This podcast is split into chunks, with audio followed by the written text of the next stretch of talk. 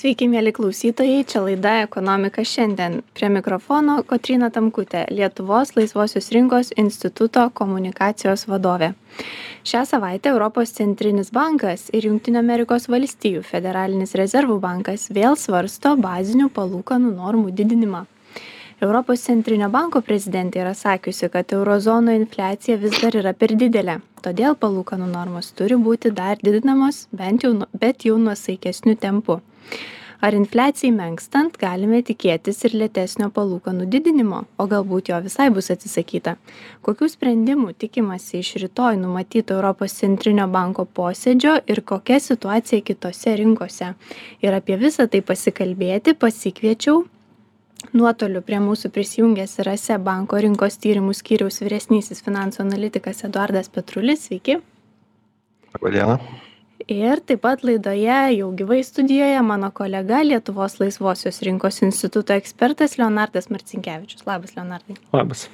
Tai eduardai nuo jūsų norėčiau pradėti. E, kaip jūs pats rašėte pirmadienio biržos laikmatyje e, ši savaitė yra kupina įvykių. Tai laukiama jungtinių amerikos valstijų europos kinijos japonijos centrinių bankų sprendimų. Kokie iš įvykiai jau atsiskleidė ir ką parodė ko dar galime tikėtis ir e, kaip juos e, priimti. Taip, sveiki, tai ja, e, iš atsiskleidusių, kaip jūs sakote, įvykių, tai Kinijos centrinis bankas truputį tokį žingsnį žengia laisvesnės pinigų politikos link, kas rinkas šiek tiek, sakyčiau, nudžiugino, turėjo tokį ribotą poveikį dabar apie be abejo tų didžiųjų dviejų centrinių bankų veiksmus kur kurie labiausiai rūpi rinkai ir kuriuos labiausiai rinka laukia tai yra federalinis rezervas. Ir daug labai reikšmės turės šiandieną skelbiami jav infliacijos duomenys kurie matyt ir paveiks galbūt ne patį sprendimą bet bent jau komunikaciją federalinio rezervo ko galima laukti ateityje ir ketvirtadienio ecb posėdis kur jau mažai klausimų lieka turbūt dėl to kad kaip minėjot ne vienas ecb pareigūnas pasisakė pastaruoju metu kad infliacija yra per didelė ir ir aišku jie turi pagrindo taip sakyt jinai yra tikrai per didelė tai matyt turėsim dar vieną padidinimą palūkanų normų. Ketvirtadienį dvidešim penkiais baziniais punktais bent jau mūsų mūsų banko prognozė yra tokia bet e, šitas padidinimas bus šiek tiek mažesnis negu praėję didinimai. Taip jis bus mažesnis nes infliacijos trajektorija jinai nors infliacija yra aukšta bet trajektorija pastaruoju metu sakysim taip džiugina infliacija krenta juda teisinga linkme ir ir natūralu kad europos centrinis bankas e, iš vienos pusės toliau turi vykdyti kovą su infliacija iš antros pusės e, nenori per daug perspaust stabdžio pedalo, kaip sakant, ir už, uždusinti ekonomikos ir dėl to lėtina pinigų politikos griežtinimo tempą. Ir greičiausiai ne tik lėtina, bet greičiausiai artėja prie pabaigos palūkanų normų didinimo ciklo. Tai mūsų matymas būtų, kad šitas palūkanų normų padidinimas bus prieš paskutinis, kad galbūt Liepa galima būtų laukti dar vieno ir tada bus pauzė palaukiant efekto nuraibuliavimo didesnių palūkanų per visą ekonomiką. E, Eduardai, kaip į tuos e, tikėtinus sprendimus e, reaguoja jau dabar rinkos, ką, ką galima iš jų elgesio ir reakcijos pasakyti?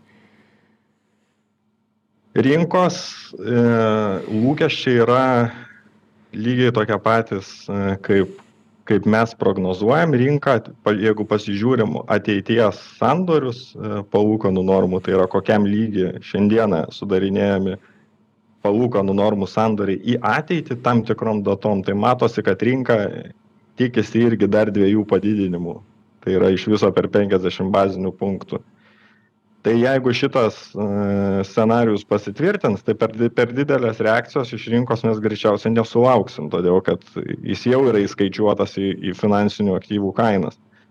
Jeigu nuo šito scenarijaus mes nukryptume į vieną arba į kitą pusę tai be abejo atsilieptų ir ir ir ir tai pačiai palūkanų ilgesnio laikotarpio palūkanų normom kurios reaguoja į tokias žinias ir be abejo ir ir ir ir kituose segmentuose ir ir kalbant apie euro dolerio kursą ir apie akcijų kainas nes nes palūkanų normų e, tematika ir uždominavus pastaruoju metu matyt rinkos, kaip sakyti, dėmesį ir, ir, ir, ir visi labai laukia, kas čia, kas čia toliau bus. E, Leonardai, tau taip pat tenka nemažai stebėti ir domėtis Europos centrinio banko sprendimais. E, vienas iš tų sprendimų kurių mes visą laiką tikimės ir laukiamės laukiame kaip eduardas minėjo yra e, bazinių palūkanų normų didinimas. Vis dėlto e, per europos centrinio banko valdančiosios tarybos posėdžius yra priimami ir dar kažkokie kiti sprendimai. Tai kokie tie sprendimai yra ir kokį jie poveikį galbūt jau turėjo nes buvo priimti arba kokį gali turėti? Taip ką mes lietuvos laisvosios rinkos institute iš tiesų pabrėžėme kad per pandemiją pagrindinis pinigų politikos įrankis visgi buvo tas vadinamasis kiekybinis skatinimas. Ką tai iš esmės reiškia? Tai vertybinių popierių supirkinėjimo programos kurių mastas buvo reikšmingai padidintas per pandemiją. Ir būtent per jas ir yra padidinamas aktyviai pinigų kiekis esantis ekonomikoje sukombinavus tas kiekybinio skatinimo programas su valstybių narių biudžeto priemonėmis tie pinigai patenka į realią ekonomiką o tada tas pinigų kiekio išaugimas ir atsiliepia infliacijai. Tai būtent per šitas programas kadangi palūkanos jau nuo du tūkstančiai keturioliktų metų buvo žemumose laikomos jie nelabai turėjo daugiau kaip paveikti infliaciją tik supirkinėjant ir didinant tų programų mastą. Tai dabar ką matome ką europos centrinis bankas prieš tai buvusiame posėdyje jau yra paskelbę kad nuo liepos nutraukia reinvestavimą iš būtent a turto pirkimo programos. Ką tai reiškia? Kad jie nebesupirkinės naujų obligacijų naujų vertybinių popierių. Tai reiškia kad tai atsilieps ir pinigų kiekio augimo dinamikai. Tai iš to ką jie komunikuoja man atrodo svarbu atkreipti dėmesį kad dažniausiai aptarinėjama yra būtent ta palūkanų normų dalis nes tai tiesiogiai liečia kiekvieną gyventoją turintį tą pačią būsto paskolą ir taip toliau. Bet e, būtent ekonominis e, tas efektas būtent infliacijai buvo per pandemiją labiausiai pasiektas būtent šitų programų dėka. Tai veiksmai su jomis tikriausiai ir turėtų didesnį poveikį visgi infliacijai. Tai dabar ką matome kad europos centrinis bankas šiek tiek tvarkosi jau savo daržą ne tik su palūkanomis bet ir su tomis programomis tai jeigu palūkanos e, dažnai paliečia mus tiesiogiai ypač ar ne e, tuos žmones kurie turi galbūt kažkokias būsto paskolas e, taip pat paliečia per kainų augimą ir ir ir panašiai kaip tie sprendimai kuriuos tu minėjai veikia gyventojus veikia įmones veikia ekonomiką? Kiek jie yra svarbūs? Taip tai iš esmės tai kas dedasi su mūsų pinigais apskritai ką ir minėjau apie tą pinigų kiekio augimo dinamiką ir veikia kiekvieną iš mūsų nes pinigų kiekio augimas ir lemia tada ir pinigų nuvertėjimą jų vertės kritimas ir lemia kainų augimą. Bet e, kalbant konkrečiau būtent apie tas kiekybinio skatinimo programas. Jos veikia keliais bent jau kanalais kaip minimum jų yra daug bet vienas yra tas tiesioginis kad tos pačios palūkanų normos yra paveikiamos skolinimosi kainos yra paveikiamos. Kai palūkanų pačių bazinių palūkanų normų reguliavimas jau nebegali duoti kažkokio didelio efekto. Tai tomis programomis siekiama ir skolinimosi kainą irgi paveikti. Kitas yra tas velf sakykim taip turto kanalas kuris išpučia jau esamų jau turimų finansinių aktyvų kainas dirbtinai ir sukuria tą praturtėjimo iliuziją tam tikra prasme ką ir matėme per pandemiją kad būtent didžiausio neapibrėžtumo laikotarpiu akcijų rinkos labai aktyviai šovė į viršų ir nemaža dalimi būtent dėl to kad centriniai bankai aktyviai dalyvavo finansų rinkose. Ką tai reiškia? Kad buvo dirbtinai išpučiama to finansinio turto vertė ir žmonės kadangi jų turimo turto vertė išauga gali išleisti kitur daugiau pinigų. Tai tai yra antrasis kanalas kuris irgi paveikia tam tikra prasme ir pačią infliacijos dinamiką.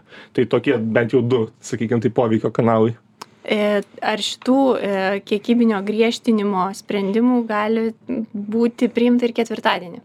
Tai tikriausiai ketvirtadienį nežinau, kiek dar galima tikėtis uh, kažkokių papildomų sprendimų dėl to kiekybinio grie griežtinimo bet tikriausiai bus pateikta daugiau detalių apie tai kaip jie vykdys tą nuo liepos pradėtą planuojama vykdyti reinvestavimo nutraukimą. Tai čia tiesiog detalumo galbūt kažkokio atskleidimo galima tikėtis daugiau galbūt daugiau informacijos paaiškinimo bet kažkokių papildomų sprendimų bent jau šitoj krypty tikriausiai jų nebus. e, Eduardai, e, šiek tiek apie Lietuvos ekonomikos padėtį. Tai šiuo metu yra fiksuojamas ekonomikos susitraukimas verslas viešoj erdvėj nemažai kalba apie vis didėjantį neapibrėžtumą dėl ateities dėl situacijos rudenį. E, ką rodo jūsų tyrimai jūsų įžvalgos apie tai ar verta sunerimti? Ar gali tik galime tikėtis kažkokių tai blogų dalykų blogo poveikio Lietuvos ekonomika, matyt, čia nėra jokia išimtis, ją kaip ir kiekviena kita ekonomika lemia tie patys tie patys veiksniai. Vieni daugiau kiti mažiau palyginus su kitokio tipo ekonomika. Mūsų ekonomika yra pakankamai nedidelė eksporto orientuota. Mum labai svarbu kokia bus euro zonoj situacija kadangi tai yra mūsų pagrindinė eksporto rinka bet mūsų požiūriu yra toks tas kaip sakyt mes iš principo matom tą įsivaizdavimą kurį ir europos centrinis bankas e, akcentuoja kad in infliaciją įmanoma sustabdyti ir sugriežtinus pinigų politiką tuo pačiu išvengiant e, staigaus ekonomikos nuopuolio tą padaryti yra įmanoma ir ta recesija jeigu jinai ir bus jinai bus pakankamai švelni. Aišku čia kažkiek nemaloniai nustebino pirmo ketvirčio E, rodiklis Lietuvos BVP, kai fiksuotas pakankamai ženklus nuosmukis, tai mūsų prognozija tokia maždaug būtų. Me, me, metinis e, BVP neigiamas pokytis apie 1, kažkur, nu, maždaug pusantro, 1,6 galbūt procento ir, ir, ir tuo pačiu aukštesnė infliacija, turbūt, kad e, gerokai, ką, kokią ir tendenciją turėjome iki šiol, kainų augimas išliks aukštesnis negu visoj likusioj e, eurozonai. Bet e, aš manau, kad vis tiek tai galima pas, pavadinti tokiu gana minkšto nusileidimo scenariumi, ypatingai turint omeny, kokiu tempu ir kaip staigiai e, Europos centrinis bankas, kas padidino tas palūkanas, kas e, iš tikrųjų lėmė gerokai pasikeitusią finansavimo aplinką ir, ir verslų, ir gyventojams, ir išaugusius skolos aptarnavimo kaštus. Tai kažkas labai gerai palygino kalbėdamas apie, apie JAV, bet aš manau tą patį posakį galima pritaikyti ir eurozonai, kad uh, E, sumažinti tokią milžinišką infliaciją tuo pačiu metu nesukeliant rimtos ekonominės recesijos yra Europos e, centriniam bankui ir kitiems pasaulio centriniam bankams užduotis e, tokia, kaip maždaug nu, nutupdyti Boeingą futbolo aikšteliai. Bet kol kas iš tikrųjų mes matom, kad pagrindo tokiam nuosaikiai optimistiniam požiūriui, kad tai vis tik padary, pavyks E, padaryti pagrindo yra. Ar su tais pačiais iššūkiais, e, kuriais susidarė Europos centrinis bankas, e, priimdamas sprendimus dėl palūkanų didinimo, ar su jais, nežinau, kovoja, turbūt blogas žodis, bet susiduria ir Junktinio Amerikos valstijų, Japonijos, Kinijos centriniai bankai? Junktinio Amerikos valstijų federalinis rezervas taip, skirtumas čia yra tas kad jie gerokai anksčiau pradėjo e, didinti palūkanas ir darė tą tas padidinimas e, buvo staigesnis. E, pas juos ir, ir, ir infliacijos, ir perkaitusios darbo rinkos problemos pasirodė ženklai anksčiau, tai jie dabar jau yra E, pačioj ciklo pabaigoj greičiausiai gal net nebedidins palūkanų, galbūt dar padidins vieną kartą. Ir mūsų nuomonė jie turėtų pakankamai staigiai jas mažinti jau nuo metų pabaigos, o, 20, o kitų metų e, vos ne kiekvieną posėdį mažinti tas palūkanas, nes jos jau yra tokiam lygiai, kada jau jos bent jau teoriškai turėtų gerokai smaukti ekonomiką. Tai aš manau, federalinis rezervas palauks kadangi laikoma kad tradiciškai kad apie dvylikos mėnesių yra laikotarpis kada pilnai atsiskleidžia palūkanų normų poveikis ekonomikai stabdantis ekonomiką tai aš manau kad jie dar palauks pažiūrės e, kokiu tempu mažėja infliacija ir pradės mažinti palūkanų normas. Tai tas ciklas pas juos buvo, e, reiškia, ankstesnis. Apie Japoniją kalbant, tai jie, Japonija, aišku, nesusidūrė su tokio masto infliacijos problema. Pas juos infliacija irgi išaugo iki nematytų jau labai ilgai aukštumų bet ten tos aukštumos mūsų standartais mūsų europiečių standartais kalbant yra aišku jog turbūt juokingai. Ten tie infliacijos rodikliai yra apie jeigu mėnesiais metinį tempą imti jie galbūt ten viršija tris procentus kas japonijai yra labai labai daug. Jie kol kas su tuo nieko nedarė didelio reikalo ir ir ir nematė daryt nes tai nėra nei aštuoni nei dešim procentų metinis kainų augimas bet E, ten yra šiokių tokių politinių pasikeitimų. E, pasikeitė Centrinio banko vadovas. E, kiek apie jį rašomais žmogus yra toks pakankamai akademiškas ir čia mes galim matyti po labai labai ilgo laikotarpio neigiamų palūkanų normų, galim matyti pokyčių. Ir Japonijoje iš tikrųjų palūkanas irgi gali būti, pradėti, būti pradėtos didinti, tokių ženklų yra ir iš pačio paties naujojo vadovo Japonijos centrinio banko. Uh, tai čia neatmestina tikimybė kad kad irgi nelabai ilgai trukus galim matyti teigiamas palūkanų normas japonijoj kas ko ko ko pakankamai ilgai nebuvo e, Leonardai, Eduardas minėjo, kad e, SE bankas prognozuoja, kad galbūt galėtų būti dar du e, palūkanų normų didinimai. Ar jie galėtų būti tokio paties dydžio, kaip buvo iki šiol, ar kažkokie mažesni ir kas nulemtų tavo nuomone tai kad jie būtų du trys keturi o galbūt šian e, ketvirtadienį būsiantis bus paskutinis? Tai centrinis bankas europos centrinis bankas vertina tiek tas pačias rinkos prognozes rinkos lūkesčius apie ką eduardas kalbėjo. Rinkos tikriausiai tikisi ką darys centrinis bankas o centrinis bankas pasižiūrėt mėgsta ko tikisi rinkos ir pagal tai nusprendžia ką mums reikėtų daryti. Tai čia toks abipusis pavadinkim taip žaidimas yra iš šitos pusės. Tai šitas veiksnys e, tikrai turi įtakos. Antras veiksnys be abejo yra infliacijos dinamika. Bet man ką atrodo svarbu paminėti kad per anksti per daug optimistiškas pasižiūrėjimas į trumpalaikę pavyzdžiui vasarą tam tikrą infliacijos sulėtėjimą ką jis gali lemti kad centrinis bankas pagalvos kad ko pavadinkim taip ta kova prieš infliaciją jau yra laimėta ir tada ims švelninti labai aktyviai pinigų politiką galbūt vėl pritaikyti kažkokias to paties kiekybinio skatinimo programas. Ir rinkos tai iš tiesų įvertintų kaip tam tikrą šviesą tunelio gale bet ta šviesa ką iš tiesų reikštų kad tiesiog traukinys naujas infliacijos atvažiuoja į mūsų pusę. Tai tas e, per anksti kadangi kaip ir minėjo eduardas su laiko lagais pinigų politika veikia tas per ankstyvas per daug ankstyvas nusiteikimas ir džiaugsmas kad štai kaip lengvai susitvarkėme įvyko tas lengvas nusileidimas jis gali turėti to tolimesnių pasekmių vėliau tai jeigu šiuo metu infliacija lietuvoje lėtėja tai dar nebūtinai reiškia kad e, palūkanų normas galima kad, kad tas palūkanų normas galima kelti mažiau arba jų nebekelti?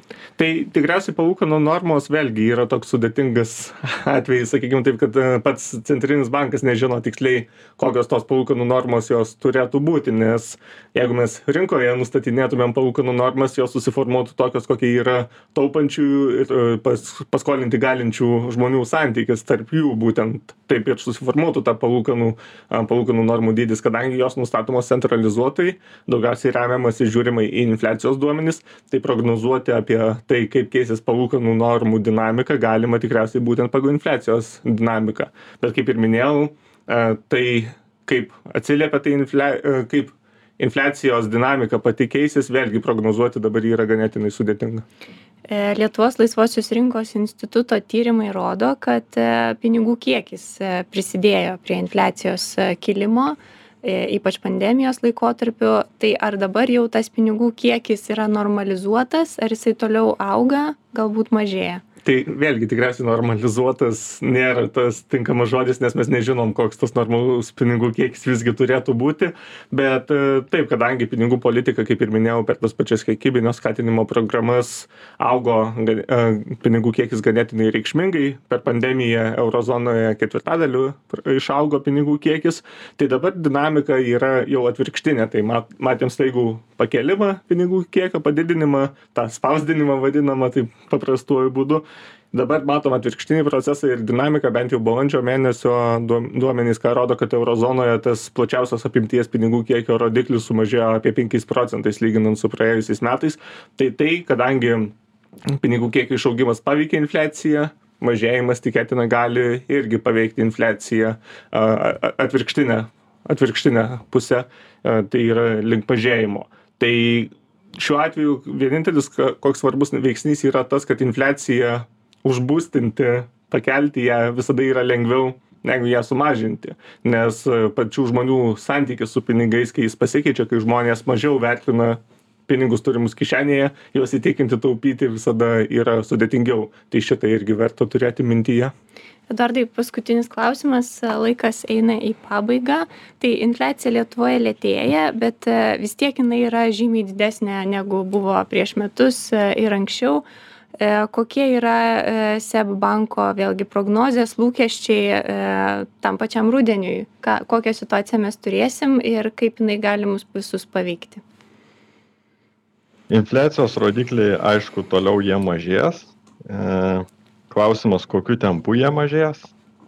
Kalbant apie artimiausio laikotarpio infliacijos rodiklius, tai vis tik tai E, turbūt, kad e, kainų augimas išliks dar pakankamai spartus ir, ir e, mūsų prognozė dabar prieš akis neturiu, berots yra metų vidutinė infliacija apie, apie 9 procentus, jeigu įmant vartotojų kainų indekso radiklį.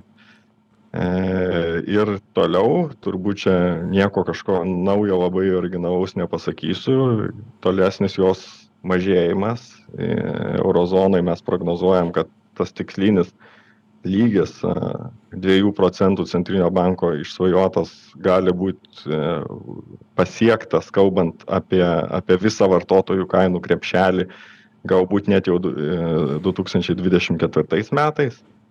Lietuvoje matyt, kad tas sumažėjimas e, bus netoks didelis, bet jis irgi bus, reikėtų manyti, kad pakankamai, pakankamai staigus. Tai tokio kainų augimo, kokį mes matėm, be abejo, E, greičiausiai, kad mes artimiausiu metu matysim žymiai, žymiai lėtesnį, e, žymiai mažesnį infliaciją. Tikiuosi taip ir bus, nors kainos vis tiek didesnės negu buvo anksčiau. Ačiū labai Jums už pokalbį. Šiandien apie infliaciją, pinigų kiekį, Europos centrinio banko sprendimus. Kalbėjausi su lietuvos laisvosios rinkos instituto ekspertu leonardu marcinkevičiumi ir seb banko rinkos tyrimų skyriaus vyresniuoju finansų analitiku eduardu petruliu. O klausytojus kviečiu likti kartu. Netrukus rubrika stebime valdžią sveiki sugrįžę čia rubrika stebime valdžią. Lietuvos bankas paskelbė viešąją konsultaciją dėl savo pasiūlymų susijusių su būsto paskolų palūkanų normų fiksavimo ir refinansavimo galimybių didinimu. Lietuvos laisvosios rinkos institutas įvertino banko užsibrėžtą siekį užtikrinti vartotojo pasirinkimo alternatyvas ir teisinį aiškumą mažinti refinansavimo išlaidų naštą ir gerinti informuotumą bei finansinį raštingumą institutas pritarė lietuvos banko veiksmų krypčiai susijusiai su vartotojų informuotumo didinimu. Todėl priemones galinčias lemti administracinių sąnaudų didėjimą verslui vertėtų imti svarstyti tik po to kai jau būtų įdiegti viešojo sektoriaus sprendimai didinantys informacijos prieinamumą papildomai reikia atkreipti dėmesį ne tik į paskolų refinansavimo bei palūkanų fiksavimo segmentą bet ir į galimybę paskolų turėtojams atidėti paskolos įmokos mokėjimą pavyzdžiui iki dvylikos mėnesių mokant tik už palūkanas ši praktika itin paplitusi ir taikoma skandinavijos šalių rinkoje. Ji atitinka tiek bankų interesus o dėl įmokų atidėjimo paskolų turėtojai nenukenčia. Priešingai yra lietuvoje. Čia sutarus dėl įmokų atidėjimo paskolos turėtojas yra automatiškai klasifikuojamas kaip rizikingas klientas o tai riboja jo galimybes paskolos įmokų atidėjimo laikotarpiu prisiimti kitus kreditinius įsipareigojimus pavyzdžiui sudaryti lizingo ar vartojimo paskolos sutartį kadangi europos sąjungos teisė paskolų įmokų atidėjimus be jokių neigiamų pasekmių leidžia o lietuvos nacionalinė teisė tokios galimybės nesudaro lietuvos bankui būtų prasminga įvertinti ar nacionalinėje teisėje numatyti reikalavimai dėl įsipareigojimų atidėjimo nebuvo perkelti į nacionalinę teisę griežtesne tvarka nei numatyta europos parlamento ir tarybos direktyvoje auksavimo tai yra praktikos kai europos sąjungos teisės aktai į nacionalinę perkeliami didesniu mastu nei reikalaujama tiek pagal lietuvos tiek pagal europos sąjungos reikalavimus nebeturi likti nes tai nepagrįstai fragmentuoja vidinę rinką ir dėl to sukeliama nereikalinga našta privatiems subjektams. Be to auksavimo apraiškų identifikavimas įstatymuose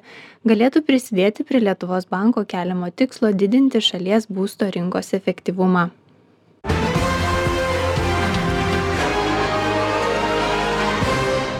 šį mėnesį švenčiame škotų ekonomisto ir filosofo adamo smito trišimtąsias krikšto metines. Tai yra proga prisiminti svarbiausias ekonomikos tėvu vadinamo mąstytojo idėjas.